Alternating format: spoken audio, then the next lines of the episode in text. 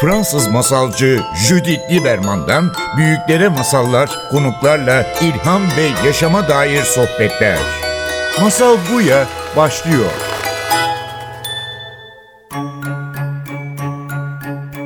Masal Buya'ya hoş geldiniz. Bugün hayal kurmaktan, düşlerimizin peşinde gitmekten bahsedeceğiz. Çünkü stüdyoda bizimle beraber çocuk kitap yazar Çidem Gündeş'le beraberiz. Çidem hoş geldin. Hoş bulduk. Şimdi senin bir sürü çocuk kitaplar var. Evet.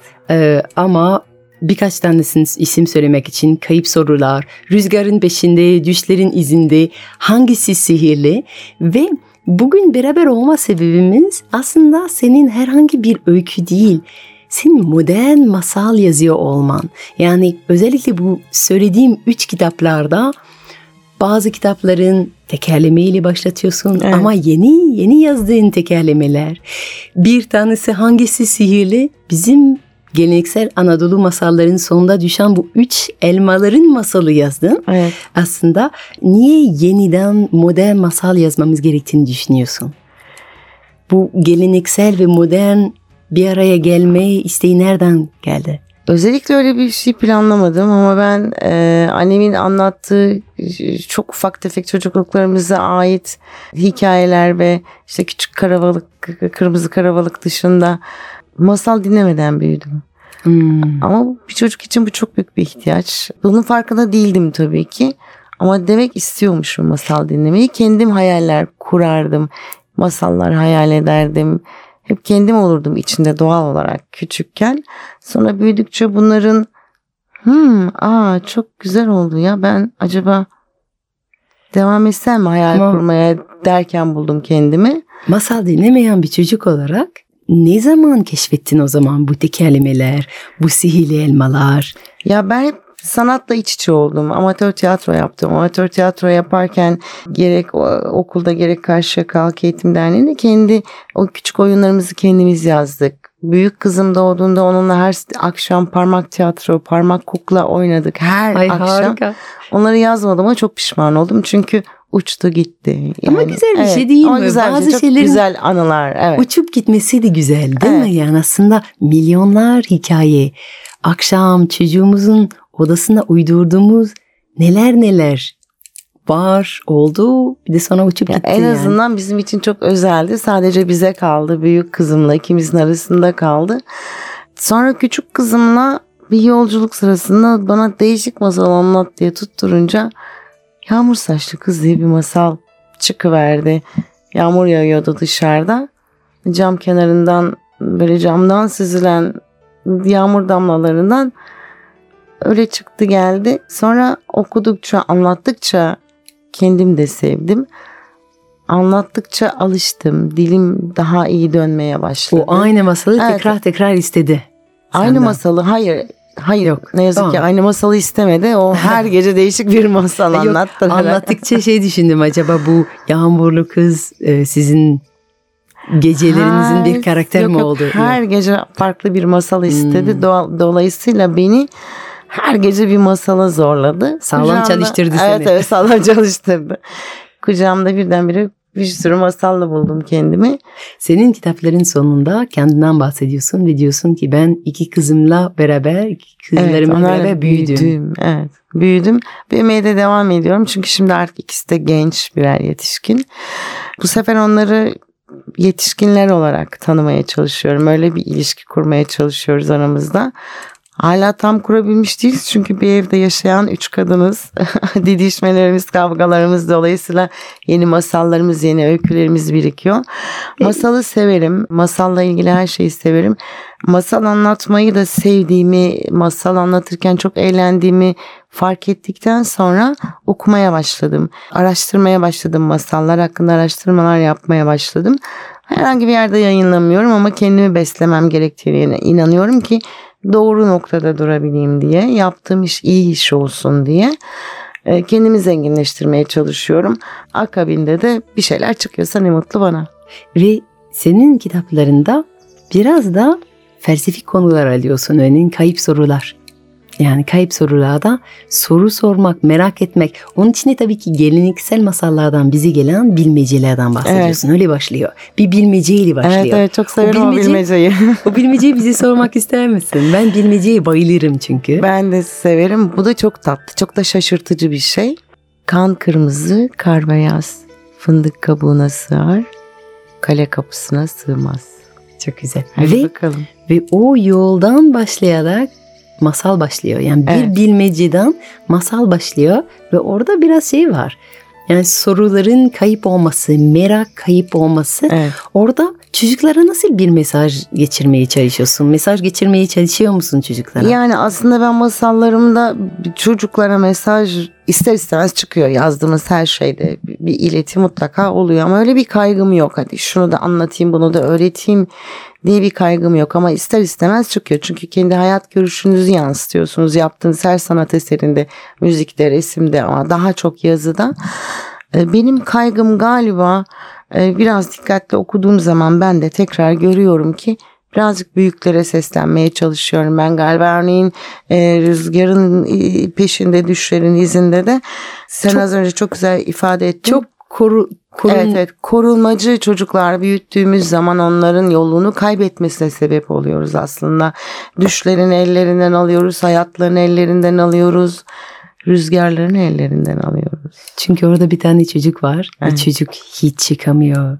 Çünkü sürekli annesi babası diyor Evet. ki aman düşeceksin, aman üşüyeceksin, Evet evet. aman kaybolacaksın, aman hayır çıkma. Ve çok güzel bir ara çocuk dönüp diyor ki "E ben sürekli evdeyim ama sürekli hastalanıyorum. Sürekli kötü şeyler geliyor benim başımda. O zaman çıksam da daha kötü olamaz. Yani orada bir hem büyükleri hem çocuklara Evet. seslenme şey var yani. Bir biraz bırakalım çocukları, Evet, biraz evet, sallanın, evet, biraz evet, özgür evet, olsunlar, evet, biraz evet. rüzgar peşinde Tabii gidebilsinler. tabii. Ya ben örneğin kendim de eğer bir yere yetişmeyeceksem kaybolmayı çok severim. Çünkü kaybolduğum zaman bulunduğum şehri daha iyi görürüm, daha iyi tanırım ve öğrenirim. E, hayatta da birazcık kaybolmak lazım. Kendimizi kaybetmeden, ruhumuzu kaybetmeden yolumuzu kaybetmek bize yeni yollar açar. O yüzden bırakalım çocuklar azıcık yollarını kaybetsinler. Sence- Arka yoldan sence- dolaşıp gelsinler. Sence fazla koruyor muyuz çocukları? Çok fazla koruyoruz. Çok fazla koruyoruz. Korumanın ötesinde her şeyimizi çocuklara çok bağlamış durumdayız. Sevmiyorum çocuğu bağımlı yetiştirmeyi sevmiyorum ama çocuğa bağımlı olmayı sevmiyorum. Çocuk üzerinden politika yapmayı, çocuk üzerinden isim yapmayı da sevmiyorum. Son zamanlarda benim olduğu kadar çocuğunu, çocukları düşünen herkesin ortak kaygısıdır çocuk üzerinden internette özellikle bir şeyler yapmaya çalışan aileleri saygıyla karşılıyorum. Kendi hayat seçimleridir ama ben onaylamıyorum. Ben olsaydım yapmazdım. Hmm. Ve aynı zamanda sen çocuklarla çalışıyorsun. Evet. Gönüllü bir şekilde hastanelere gidiyorsun. E, senelerde bunu yapıyorsun. Çocuklarla beraber geliyorsun ve onlarla beraber oyun oynuyorsun, hikaye anlatıyorsun. Neden? Neyi geçirmeye çalışıyorsun orada? Ne yapmaya çalışıyorsun? Ha, öncelikle şunu söyleyeyim bu benim e, hayata geçirdiğim bir proje değil. E, birkaç tane dernek var. İsimlerini söylememde sakınca yoktur herhalde. Kaçuv, Kanserli Çocuklar Umut Vakfı ve Hayata Renk Ver isimli iki tane dernek var. E, bu derneklerin kurucularıyla e, ve yakın arkadaşlarım sayesinde hastanelere gidip çalışma imkanı bulabildim. E, dediğim gibi benim projem değil. Ben ancak bu projelerden e, projelerde gönüllü olarak yer aldım. Ama gittiğin zaman ne keşfettin? Neyle Ne keşfettim? Ve çocuklara ne anlatmak istedin? Yani Çünkü benim, hikaye anlatıyorsun. Evet evet. Benim hastaneye gittiğim zaman öncelikle şunu söyleyeyim. Kendimi iyi hissetmek için gitmiyorum. Kendi adıma bir şey yapmak için de gitmiyorum. Hani vardır ya bugün çok iyi bir şey yaptım. Hayır böyle bir şey yok. Ben bence o çocuklar diğer çocuklardan farklı değiller. Onların da aynı ihtiyaçları var. Evet sağlık yönünü bir kenara bırakıyorum. Ama onlar da hayal kurmak istiyorlar. Diğer çocuklar gibi yaramazlık yapmak istiyorlar. Oyun oynamak, atlamak, orayı burayı boyamak, yüzlerini boyamak, benim saçımı çekmek, imzalı bir kitap ve düş kurmak istiyorlar. Ben herhangi bir çocuktan farksız onlar benim için.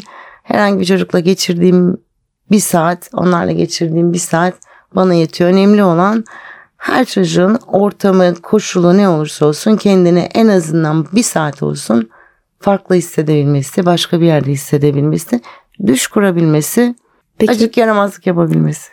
Peki bu akşam bizi dinleyen bir ebeveyn çocuğuna senin yaptığın gibi bir masal uydurmak istese Evet. nereden başlasın? Çünkü sen bunu seneler boyunca kızınla beraber yaptın. Kızımla beraber yaptım. Nedir püf noktası var mı? Ha. Nereden başlasın? Ben bugüne kadar çıkmış bütün masallarım, kızlarıma anlattıklarım dahil olmak üzere okullarda, söyleşilerde doğaçlama anlattığım masallar. Ben hiçbirisini önceden kurgulamadım. Gittiğim anda bir çocuğun gülüşünden, bir çocuğun sesinden, bir çocuğun söylediği ya da söylemediği bir şeyden, yaptığı yaramazlıktan, tokasından, o anda duyduğumuz bir kedi sesinden So, doğaçlama çıkan masalar. Hiçbirisini püf nokta önceden o zaman evet, şey midir acaba? çocuklardan birazcık ışık almak, onlarla el ele yürümek. Çünkü çocukların köşeleri yok. Köşesi olan, çizgisi olan yetişkinler. Çocukların hatta daire olarak bile sınırlayamayız. Sınırları yok. Uçsuz bucaksız ve ufka doğru gidecekler bıraksak ben çocuklarla el ele olduğum zaman çok iyi işler çıkıyor. Bugüne kadar 18 tane masalım var. Hatta öykü kitaplarımdan da pek çoğunu doğaçlama sahnede anlattığım masallar ve öyküler olduğunu söyleyeyim. Masallar kesinlikle sahnede çocuklarla birlikte oluşturdum. Eğer bu akşam çocuğunuzla birlikteyken bir şeyler yaratabilmek, "Ah, bu da bizim masalımız demek istiyorsanız çocuğunuzun gözlerine iyice bakın. Çok güzel. Şimdi sana ben de bir masal anlatmak isterim. Oh Senin- heyecanlandım. Senin kitaplarından biri Rüzgarın Peşinde, Düşlerin izinde bir tane değirmenci var. Düşlerin peşini koşan bir değirmencinin masalı anlatacağız sana Gözde ile beraber. Oo çok keyifli. Geldiğin Heyecanla için- dinleyeceğim. Teşekkür ederim. Ben teşekkür ederim. Bir varmış, bir yokmuş. Evvel zaman içinde, kalbur zaman içinde, foşur foşur akan bir nehrin kenarında işleri değirmenin tekeri kadar iyi dönen bir değirmenci yaşardı. Değirmencinin sofrasında taze süt kokan tereyağı ve onun üstünde sürecek sıcak ekmek de hep olurdu. O sıcak ekmekle beraber içilecek mis gibi çaylar, bütün bunları paylaşacak dostlar hiçbiri eksik olmazdı. Kışın yakılacak odunlar, ilkbaharda gönlü ve gözü açan çiçekler, yazın ferahlamak için meyveler, sonbaharda pişecek kestaneler. Yok yoktu bizim değirmencinin hayatında. Bütün dolaplar tıklım tıkış, bütün işler tıkır tıkır da. İnsanoğlu işte biliyorsunuz nasıl olduğunu. Yine de kalbinde bir eksik hissederdi ne olduğunu bilmediği için nasıl doyuracağına hiç bilmediği bir açlık.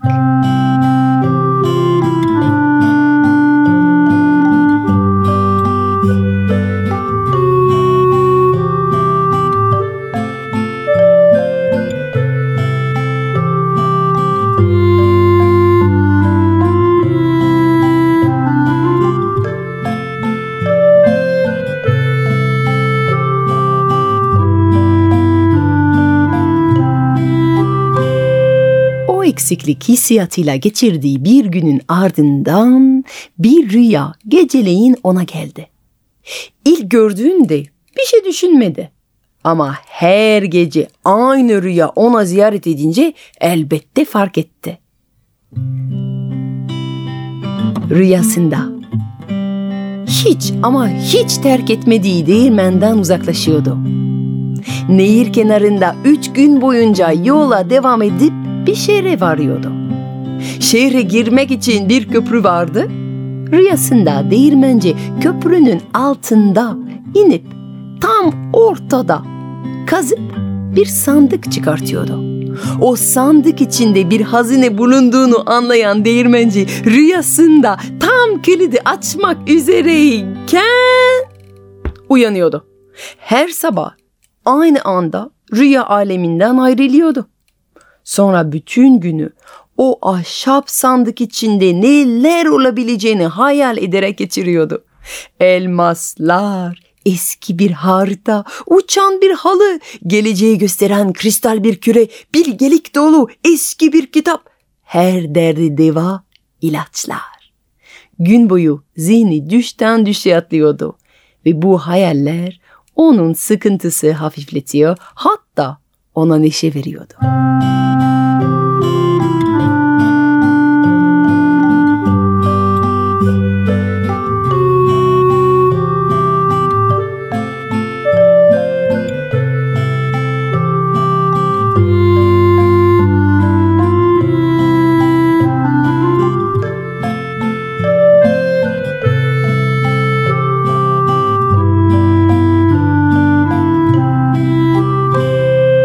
Rüyayı haftalar boyunca her gece gördü. Sonra birden gitti. Değirmenci önce üzüldü, sonra nedenini merak etti ve sonunda rüya ona gelmeyecekse kendisinin ona gitmesi gerektiğini karar verdi. Güneşli bir sabah. Hayatında ilk defa yola çıktı. Nehri üç gün takip etti. Rüyasında gördüğü şehri vardı. Girişte tam rüyasındaki gibi bir köprü vardı.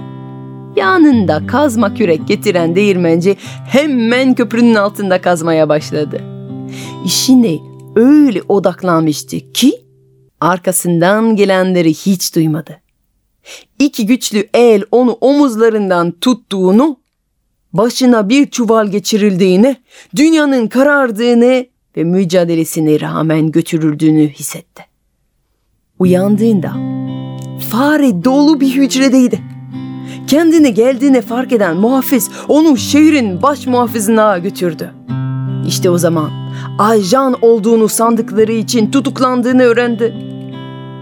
Ama ama ama ben bir ajan değilim. Ben sadece saf, çalışkan, masum bir değirmenciyim. Deyince bütün oda baş muhafızın kahkası ile titredi. O zaman söyle bana saf, çalışkan, masum değirmenci ne işin var köprümüzün temellerinde ne diye kazıyordun yeri? Değirmenci açıkladı. Rüya, sandık, hazine hepsini. Bu defa baş muhafız daha daha güçlü bir kahkaha attı. Bu gerçekse eğer hayatımda gördüğüm en saf değirmenci olursun. Kim rüyalarını o kadar ciddi alır ki? Ben de aylardır her gece rüyamda bu şehirden üç gün uzaklıkta bulunan bir değirmeni gidip giriş kapısının önünde kazıp bir sandık çıkartıyorum. Ama bu rüya istediği kadar tekrar etsin. Ben asla bu şehirden çıkıp böyle boş işlerin peşini koşmam. Neyse beni güldürdüğün o nedenle seni salıyorum ama sakın bu şehre yüzünü bir daha gösterme. Değirmenci teşekkür edip rüzgar gibi evine döndü. Ve sabahın ilk ışıklarla kapının önünü kazmaya başladı. Ne mi buldu? Elbette ahşap bir sandık ve tam kilidi kırmak üzereydi ki durdu. Sandığa yaslanıp tekrar hayal kurmaya başladı. İçinde olabilecek her şeyi listeledi kafasında. Olasılıklar sonsuzdu. Her biri ona ötekinden daha fazla heyecan veriyordu. Ama kilidi açarsa o zaman bilirdi. Bilirdi ve düşler biterdi. Gerçeklerin dağarlığına tekrar yakalanırdı. Durdu, durdu. Ve sandık açma işini yarına ertelemeye karar verdi. O akşam heyecanla uyudu. Sabah heyecanla uyandı çünkü hayatında bilmediği, keşfedilmeyi bekleyen bir hazine vardı. Sandık açma işini akşama bekleyebilirdi. Sonra akşam sürprizi sabaha bırakmaya karar verdi. Ve böyle devam etti. Günler, haftalar, aylar, seneler. Sevgili yolcu, değirmenci dünyadan ayrıları yüzyıllar oldu. Ama derler ki sandık hala aynı köyde duruyormuş. Hala açılmamış. Ve oralarda soranlara derler ki bu sandık düşlerin uçsuzluğunu, evrenin sonsuzluğunu saklıyor. Fransız masalcı Judith Lieberman'dan büyüklere masallar, konuklarla ilham ve yaşama dair sohbetler. Masal Buya sona erdi.